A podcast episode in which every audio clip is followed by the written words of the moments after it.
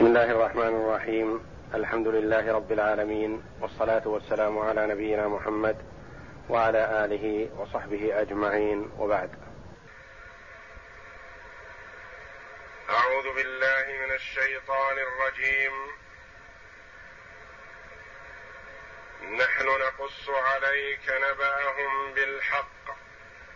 إنهم فتية آمنوا بربهم وزدناهم هدى. وربطنا على قلوبهم إذ قاموا فقالوا ربنا رب السماوات والأرض لن ندعو من دونه إلها لقد قلنا إذا شططا.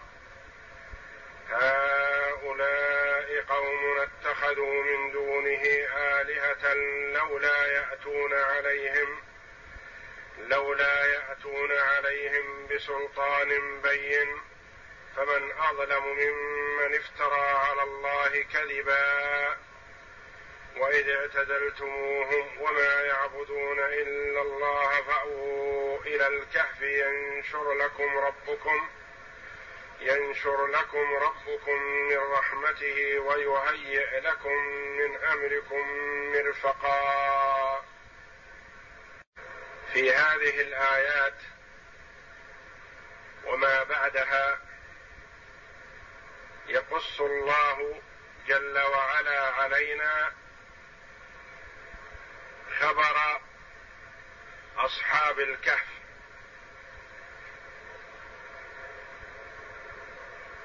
مفصلا فيقول جل وعلا نحن نقص عليك نبأهم. نبأ أصحاب الكهف. نبأهم بالحق. نعطيك الخبر اليقين الذي لا شك فيه. لا زيادة ولا نقص. ولا مبالغة. بل نعطيك الخبر اليقين. إنهم يخبر عنهم جل وعلا إنهم فتية آمنوا بربهم. فتية شباب. وقال بعض المفسرين إنهم شباب صغار. لكن الله جل وعلا وفقهم وألهمهم الصواب. وهم قلة لأن كلمة فتية جمع قلة أقل من العشرة. إنهم فتية يعني كلهم شباب. ما فيهم كبار في السن.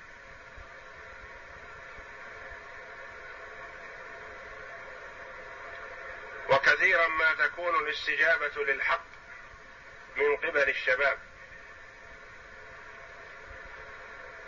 لأنهم في الغالب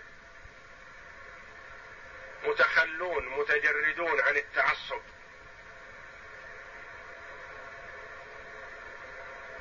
فإذا أقنعوا بحقيقة اقتنعوا بها واستجابوا لها. وهؤلاء الفتية ألهمهم الله جل وعلا الصواب والهدى فلم يبالوا بمخالفة الآباء والأجداد ولم يبالوا بمعارضة الرؤساء بل لما اقتنعوا من هذه الفكرة وتبين لهم أنها حق أخذوا بها وتمسكوا بها وضحوا بكل غال. من أجل تحقيق عبادة الله جل وعلا وحده لا شريك له. فيقال إنهم من أبناء الملوك والرؤساء. إنهم فتية آمنوا بربهم. آمنوا بالله جل وعلا. أفردوه بالعبادة.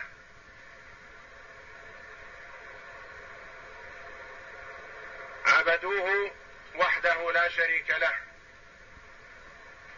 ونبذوا عبادة ما سواه. إنهم فتية آمنوا بربهم وزدناهم زادهم الله جل وعلا. وزدناهم هدى.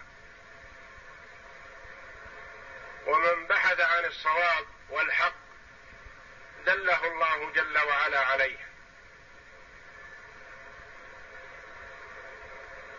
من تجرد عن التعصب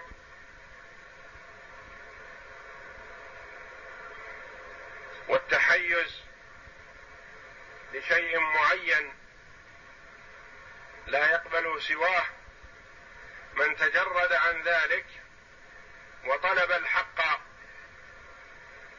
وفقه الله جل وعلا له.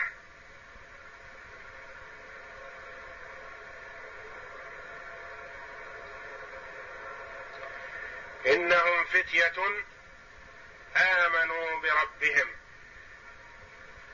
وزدناهم هدى.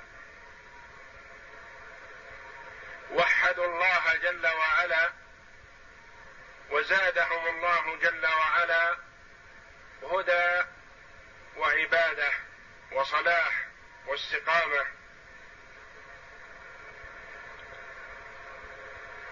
يقول الحافظ ابن كثير رحمه الله وبهذه الآية وما شابهها من آيات القرآن استدل بها غير واحد من الأئمة كالبخاري وغيره إلى زيادة الإيمان وتفاضله وأنه يزيد وينقص. الإيمان كما قرره أهل السنة والجماعة يزيد بالطاعة وينقص بالمعصية. وكلما اجتهد المسلم في الطاعات وحافظ على الفرائض وأكثر من النوافل زاد إيمانه وقوي وكلما وقع العبد في المعاصي وتساهل في الطاعات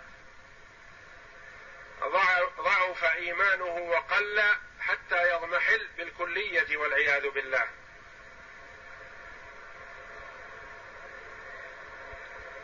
ومثل هذه الآية قوله جل وعلا والذين اهتدوا زادهم هدى وآتاهم تقواهم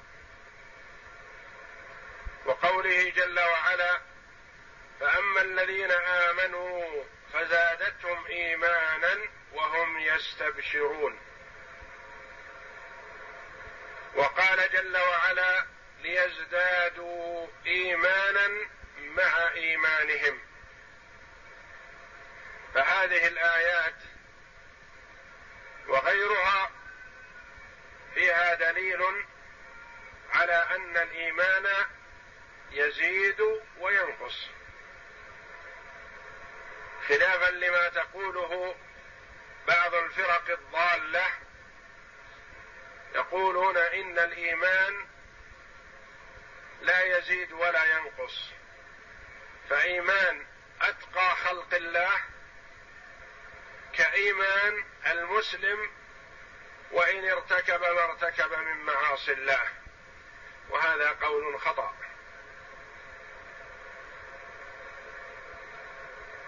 ويرد عليهم بهذه الآيات الكريمة. وقد ذكر بعض المفسرين أن هؤلاء الفتية كانوا على دين المسيح عيسى بن مريم عليه السلام.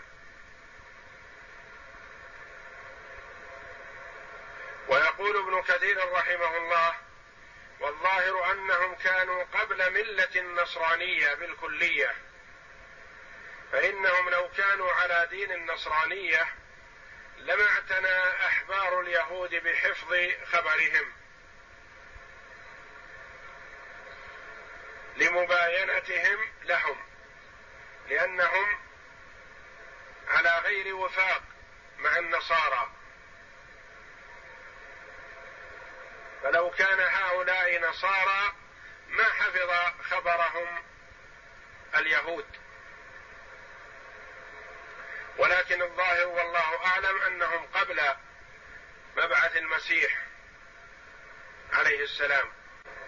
يقول الله جل وعلا وربطنا على قلوبهم إذ قاموا فقالوا ربنا رب السماوات والأرض ربطنا ثبتنا وقوينا وصبرنا لأن من أظهر هذا الأمر أمر التوحيد وإخلاص العبادة لله جل وعلا حال كونه مخالفا لما عليه الأهل والجيران والمجتمع لن يثبت والناس كلهم ضده إلا بتوفيق الله جل وعلا وإعانته.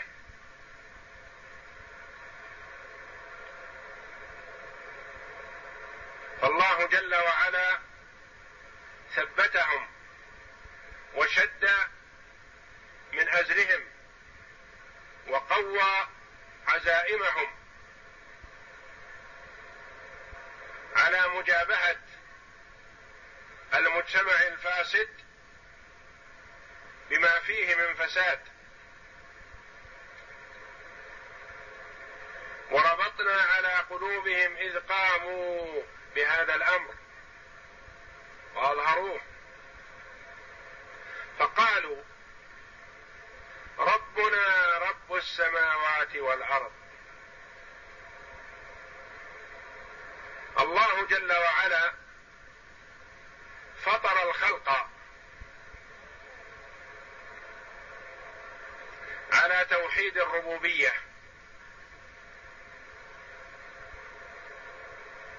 وأن السماوات والأرض لهن خالق مدبر.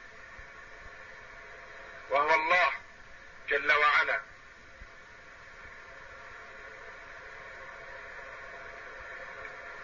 وأنها لم تخلق نفسها وإنما هي مخلوقة لله. فاستدل هؤلاء الفتية الموفقون بتوحيد الربوبية على توحيد الألوهية. فقالوا السماوات والأرض ومن فيهن لهن رب.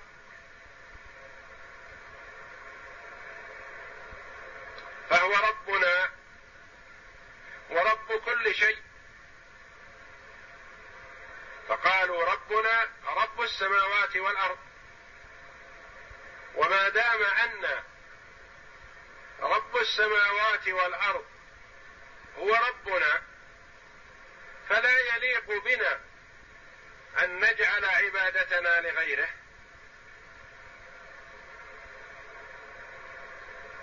فالاعتراف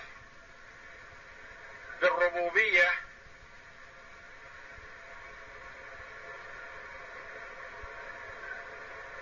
الاعتراف بنوع من أنواع التوحيد يلزم العاقل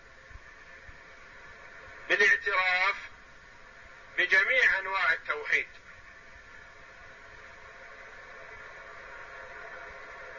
فهذا هؤلاء استدلوا بتوحيد الربوبية على توحيد الألوهية. ربنا رب السماوات والأرض خالقنا وفاطرنا ورازقنا المحيي المميت. من هو؟ هو رب السماوات والأرض. فهل يليق بنا أن نعبد غيره؟ فقالوا ربنا رب السماوات والأرض لن ندعو من دونه إلها. ما دام أنه ربنا هو وخالقنا فلن ندعو من دونه معبودا. لن نتخذ غيره إلها. هو المستحق للألوهية. لن ندعو من دونه إلها. اذا لن ندعو من دونه إلها. لقد قلنا اذا شططا. ان اتخذنا من دونه الها لقد قلنا قولا بعيدا عن الصواب كل البعد. لن ندعو من دونه إلها. نعبده وحده. إن تركنا ذلك وعبدنا معه غيره لقد قلنا قولا جنف. قولا خاطئ. لقد ضللنا عن الصراط المستقيم. لقد قلنا اذا شططا. قال كثير من المفسرين من السلف والخلف أن هؤلاء كانوا من أبناء ملوك الروم وسادتهم. وأن هؤلاء الشباب خرجوا مع آبائهم وأهليهم. كان لهم يوم في السنة يخرجون خارج البلد يذبحون للأصنام ويتقربون إليها ويدعونها ويسألونها كأنه بمثابة يوم عيد لهم. شاب من هؤلاء مع أهله ما أعجبه ما يفعل أهله. ولا يدري ماذا يقول لهم. ولو قال ما قبلوا منه لأنه صغير حديث السن. فانفرد عن أهله وذويه بعيدا وجلس تحت ظل شجرة. يتفكر ويتأمل في الخلق وما يعملون فبينما هو كذلك اذ جاءه شاب مثله قريب منه في سنه فجلس قريبا منه. عند هذه الشجرة. ثم جاء الثالث والرابع والخامس. واجتمع الجميع الله أعلم بعددهم. كل واحد ماقت لما عليه أهله لكن لا يدري ماذا يقول لهم فانفرد عنهم. ووفقهم الله بأن اجتمعوا مع بعض تحت هذه الشجرة.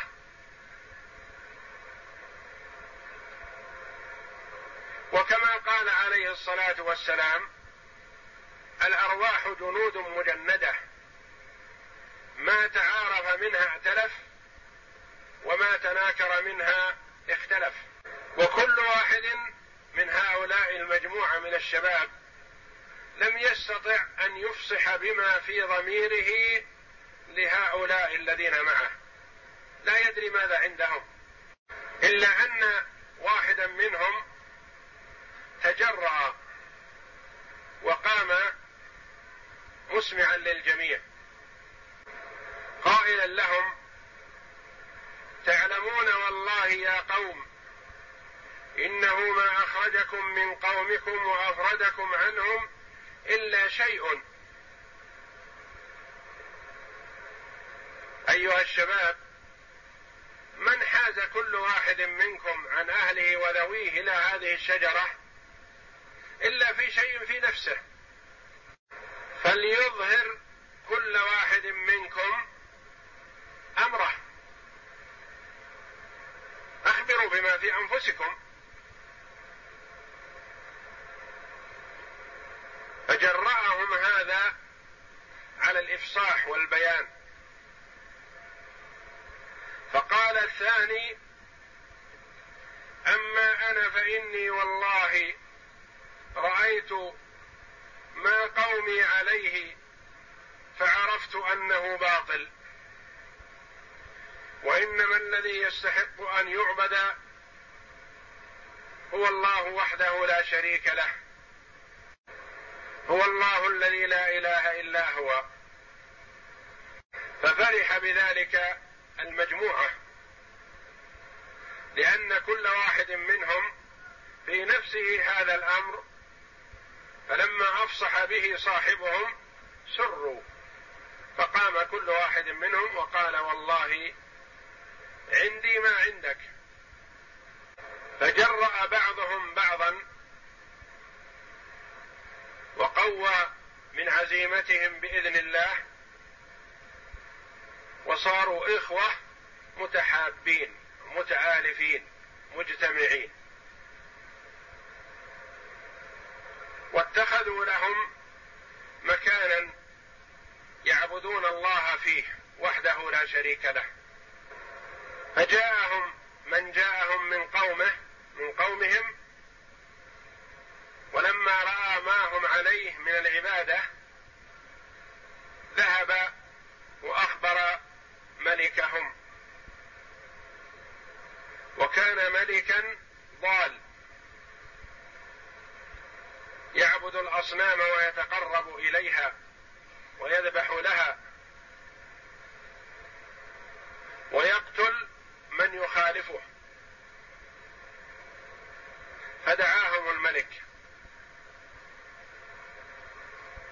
وتهددهم وتوعدهم. إن تركوا الدين الذي هو عليه. فقاموا ودعوه إلى الله. تجرأوا بتوفيق الله إلى دعوته للحق. وقالوا إنك أنت وما أنت عليه وقومك على ضلال. وإن الدين الحق هو عبادة الله وحده. وهو المستحق للعبادة. وأخذوا يدعونه إلى عبادة الله وحده. فغضب وتوعدهم وقال بما إنكم شباب صغار لا نستعجل عليكم فأعطاهم مهلة ينظرون في أمرهم إن استمروا على ما هم عليه عذبهم وقتلهم وإن رجعوا قبل منهم وعذرهم في زعمه. وأخرجهم الملك من عنده. فاجتمعوا وتشاوروا. وقوى الله عزائمهم. ورأوا أن ينحازوا عن قومهم.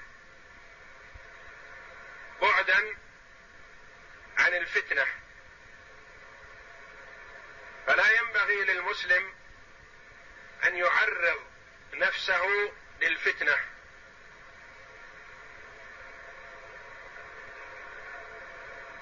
وقد تعول النبي صلى الله عليه وسلم من مضلات الفتن.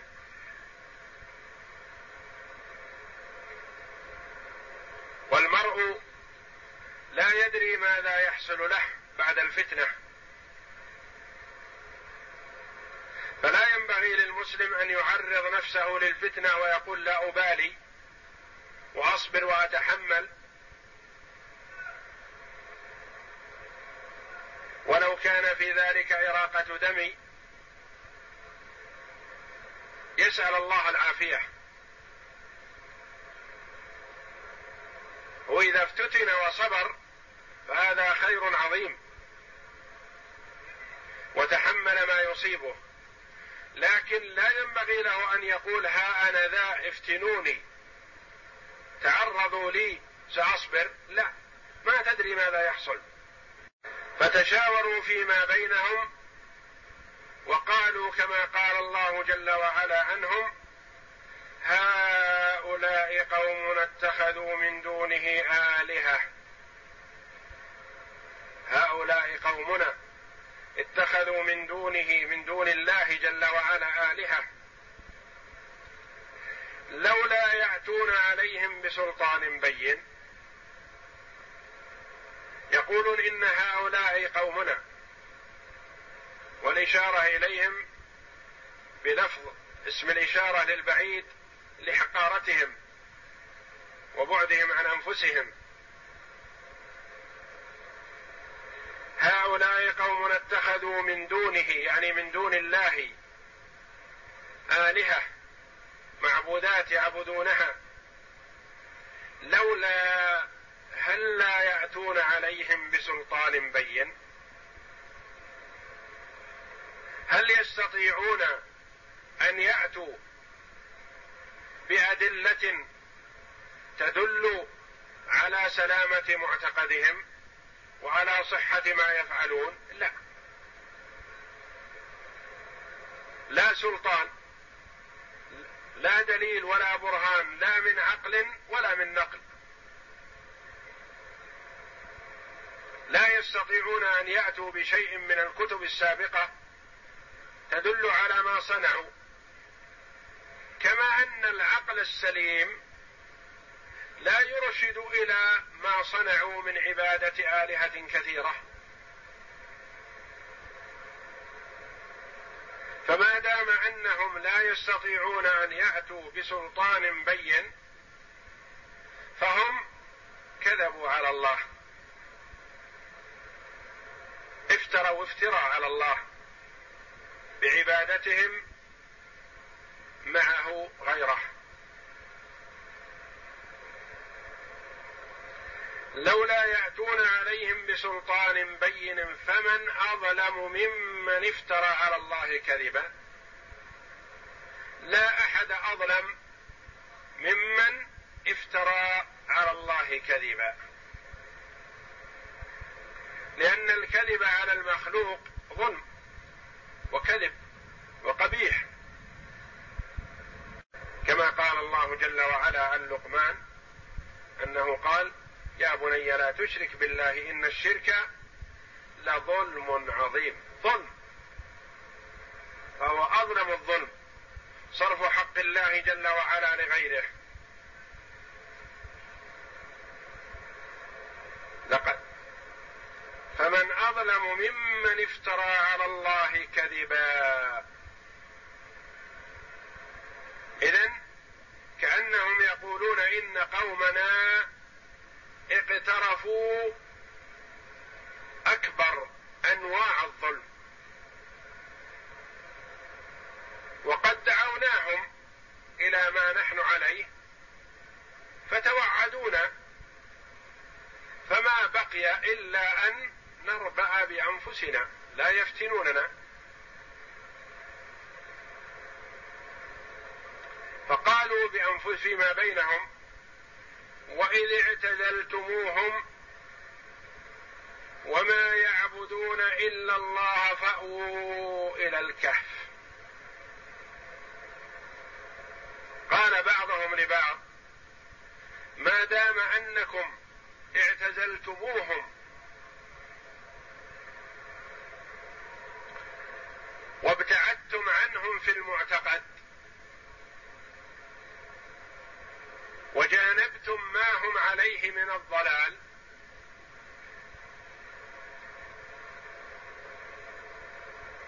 فأنتم وإياهم مختلفون اختلافا كبيرا.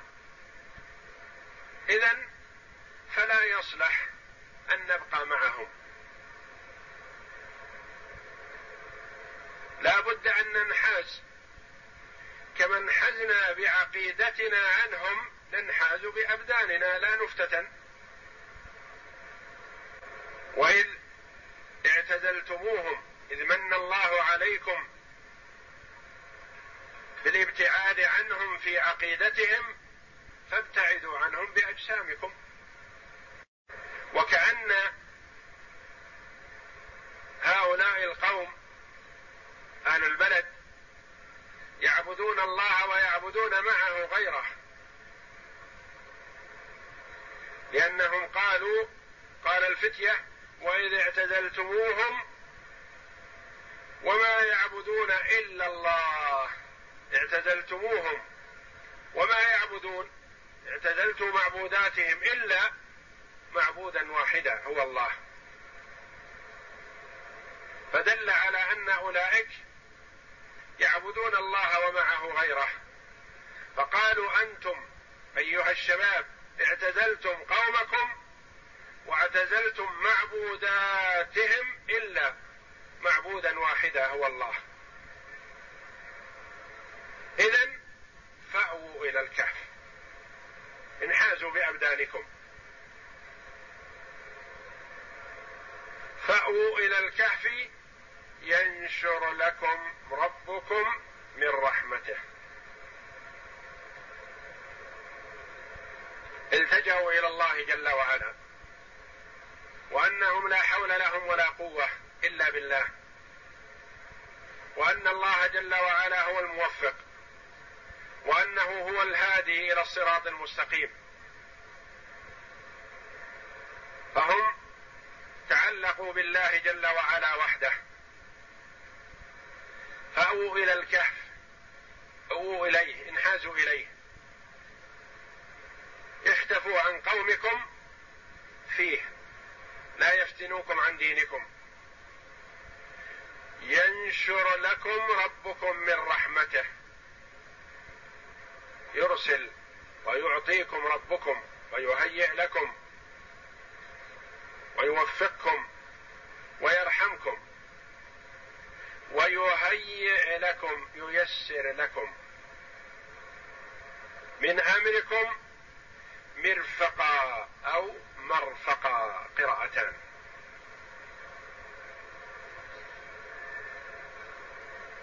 مرتفق ترتفقون فيه. تستقيم عليه أحوالكم. لأنكم ببقائكم معهم وهم يعبدون الأصنام لا تستقيم أموركم. ولكن انحازوا.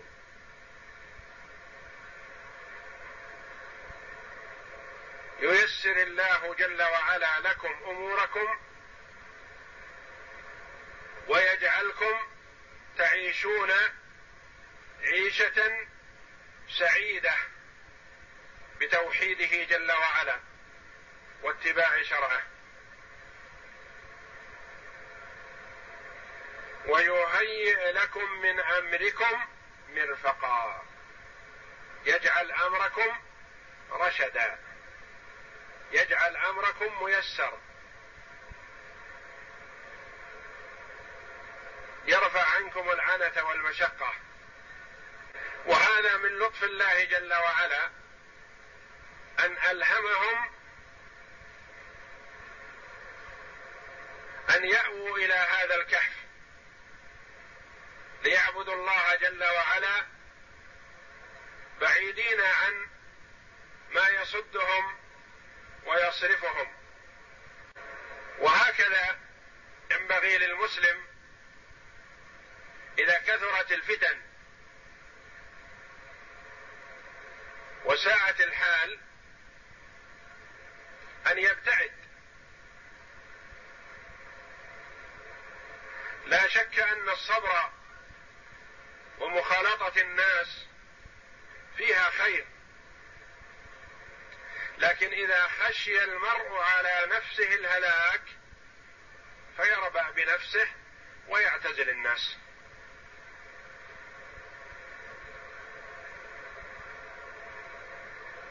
يقول عليه الصلاة والسلام يوشك أن يكون خير ما لاحدكم غنما يتبع بها شعف الجبال ومواقع القطر يفر بدينه من الفتن. يوشك يعني سيكون زمان فتن. وكما أخبر النبي صلى الله عليه وسلم بأنه ستكون فتن كقطع الليل المظلم. يفتن المرء في دينه. وذكر صلى الله عليه وسلم أنه يصبح مؤمنا ويمسي كافرا. ويمسي مؤمنا ويصبح كافرا. يبيع دينه بعرض قليل من الدنيا. فإذا كثرت الفتن وساءت الحال فالعزلة مطلوبة مستحبه وأما إذا كان المرء ينفع في المجتمع فلا ينبغي له أن يعتزل بل الذي يخالط الناس ويصبر على أذاهم خير من الذي لا يخالطهم ولا يصبر على أذاهم. فما دام أن المرء يرى من نفسه أن ينفع فلا يعتزل. وإذا لم ير نفعا وإنما خشي من الضرر على نفسه فالاعتزال حينئذ مطلوب.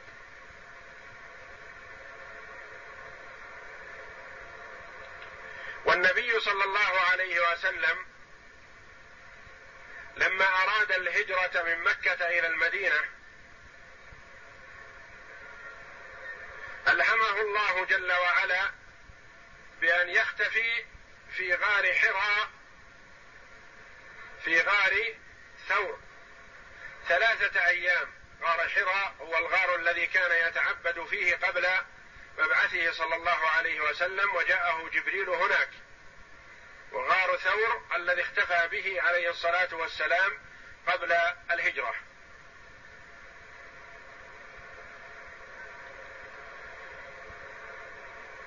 فالنبي صلى الله عليه وسلم جاء الكفار يبحثون عنه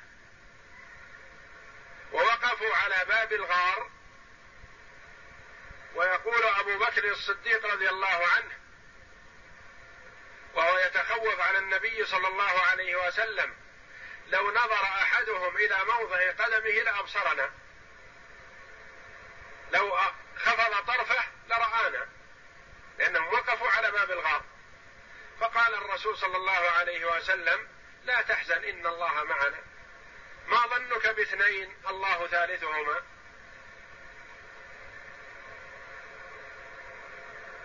وكذلك أولئك أصحاب الكهف. يقال أن قومهم لما فقدوهم جاءوا يبحثون عنهم. فيقال أنهم وقفوا على باب الغار فلم يشاهدوهم ولم يروهم. فهؤلاء النفر الشباب لجأوا إلى هذا الكهف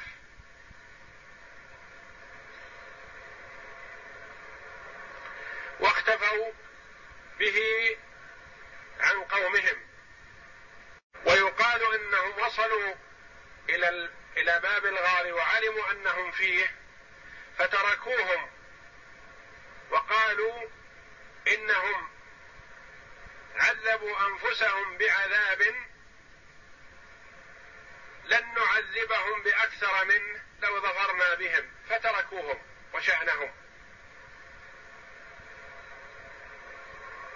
ويقال إنهم ردموا عليهم باب الغار بإحجار عظيمة ولكن هذا غير صحيح لأن الله جل وعلا أخبر أن الشمس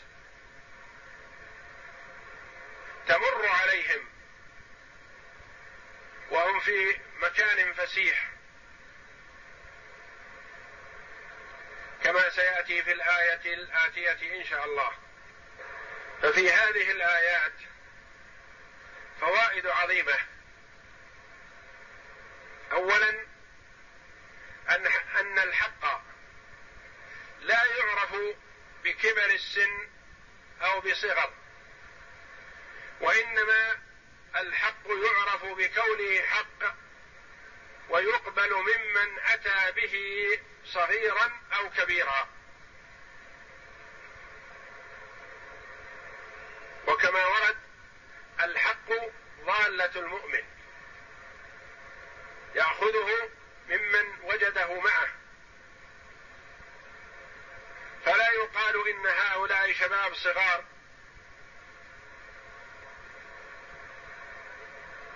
ليسوا أهلا بأن يكون الحق معهم دون الشيوخ الكبار.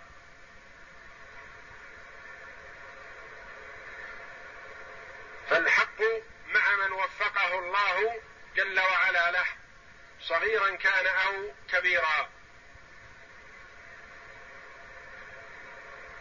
كما يؤخذ منها زيادة الإيمان بالأعمال الصالحة ونقصها ونقصه بالأعمال السيئة.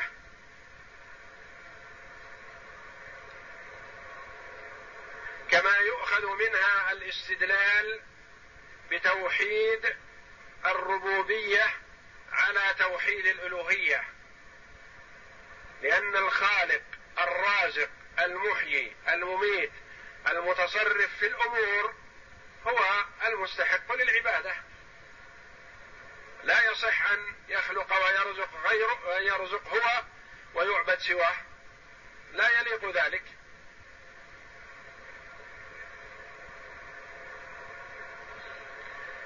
وأن عبادة غير الله شطط وبين عن الصراط المستقيم. وأنها ظلم عظيم. وكذب لا يقبل. وأن الهجرة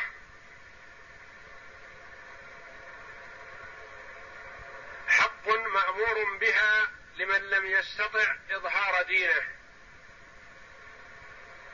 إذا لم يستطع المرء إظهار دينه فيهاجر من بلده إلى بلد يستطيع أن يظهر فيها دينه ويعبد ربه على بصيرة. وأنه لا ينبغي مخالطة أهل السوء وأهل الشر إلا على سبيل دعوتهم مع الحذر وأخذ الاحتياط بالابتعاد عنهم.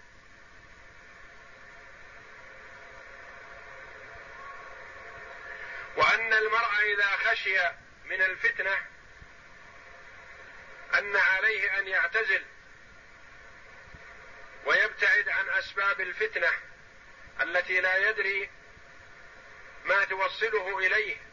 قد ينجح في الفتنة وقد لا ينجح لكن إذا ابتلي وافتتن عليه أن يصبر.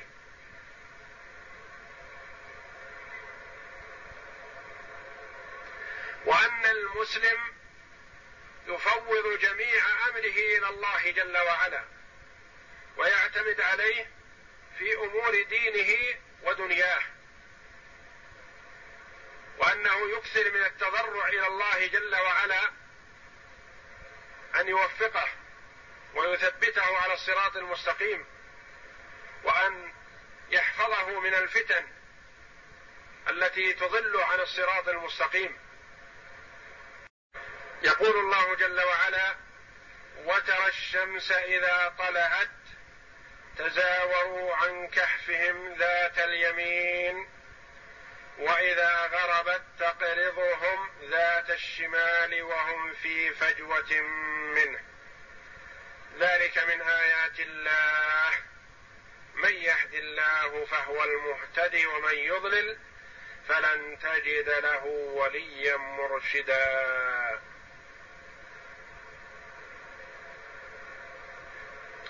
وترى الشمس. الله جل وعلا حفظ هؤلاء الأجسام. لما ناموا ورقدوا هذه الرقدة الطويلة ثلاثمائة وتسع سنين في نومة واحدة. لم يطعموا ولم يقوموا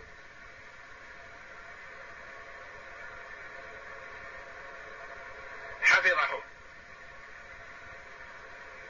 بأن جعلهم في هذا الغار هذا الكهف الفسيح الذي يتخلله الهواء وهم في فجوة منه في سعة والشمس تمر عليهم ولا تصيبهم تأتيهم فائدتها ولا تحرقهم ولا تحرق ثيابهم. فإذا طلعت مرت على جانب الكهف وإذا غربت مرت على الجانب الآخر. ولا تصيبهم حرارتها. وتلك آية من آيات الله جل وعلا. يقول ابن كثير رحمه الله فهذا فيه دليل على أن على أن باب هذا الكهف كان من جهة الشمال. كان نحو الشمال.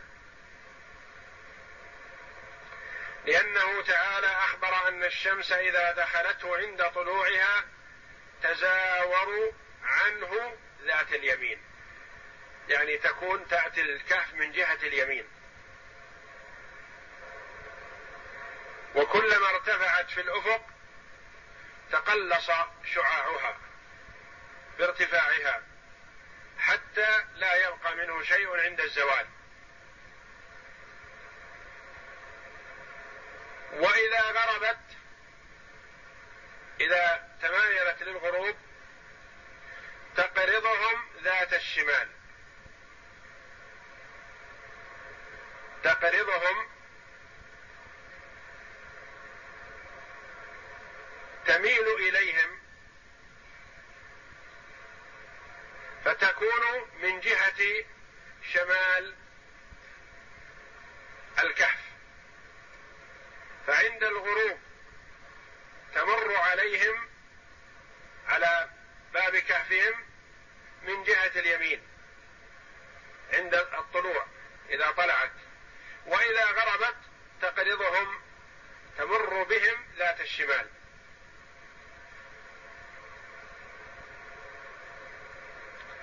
فهي تدخل من باب الكهف حال طلوعها وحال غروبها. تقرضهم تمر بهم أو تعرض عنهم جهة الشمال وجهة اليمين. تزاور بمعنى تمايل. تزاوروا أي الشمس عن كهفهم ذات اليمين. وإذا غربت تقرضهم تقطعهم أو تميل عليهم أو تميل عنهم لا يصيبهم حرها. ذات الشمال وهم في فجوة منه هم في سعه فبقوا هذه المدة الطويلة على نومتهم لم تتأثر أجسامهم ولم تتأثر ثيابهم وكأنها نومة ليلة فقط أو أقل من ذلك.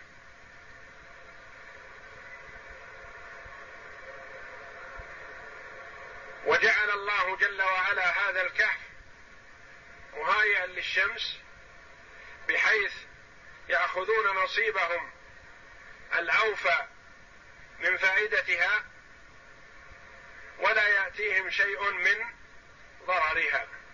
وكان الكهف واسعا أخذ من قوله جل وعلا وهم في فجوة منه. يعني في سعة. فلا يتعفن فيه الهواء وتسوء الحال مع أنهم مجموعة من الشباب فيه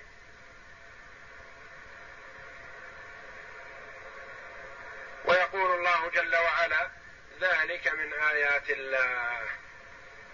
علامة من العلامات الدالة على قدرة الله جل وعلا. ذلك من آيات الله. فآية من آيات الله جل وعلا هدايتهم وهم في هذه السن وتوفيقهم آية من آيات الله مجابهتهم للظلمة وجرأتهم في الكلام عليهم وذلك من أفضل الجهاد كما قال عليه الصلاة والسلام. أفضل الجهاد كلمة حق عند سلطان جائر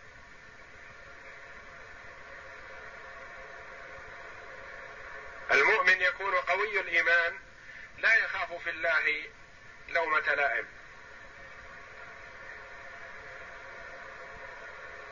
من آيات الله بقاهم هذه المدة بدون طعام ولا شراب وهم نيام. ثلاثمائة وتسع سنين. آية من آيات الله جل وعلا مرور الشمس عليهم على كهفهم حال طلوعها وحال غروبها.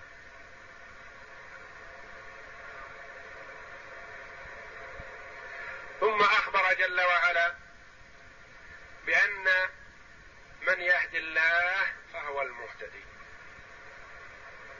أن من يهديه الله جل وعلا فهو الموفق. وأن الهداية بيده تعالى لا بيد غيره. من يهدي الله فهو المهتدي. ومن يضلل يخذله ولا يوفقه للهداية فلن تجد له وليا مرشدا. لن تجد له ناصرا يرشده. أو دليلا يدله على الصواب. لو اجتمع أهل الأرض بما أوتوا من بيان وفصاحة لإقناع شخص بالهداية لم يرد الله جل وعلا هدايته فلن يقبل. وهؤلاء الفتية ما جاءهم رسول وإنما وفقهم الله جل وعلا وألهمهم الصواب فتذاكروا فيما بينهم فاتفقوا على ذلك. ومن يضلل فلن تجد له وليا مرشدا. والله أعلم. وصلى الله وسلم وبارك على عبده ورسول نبينا محمد وعلى آله وصحبه أجمعين.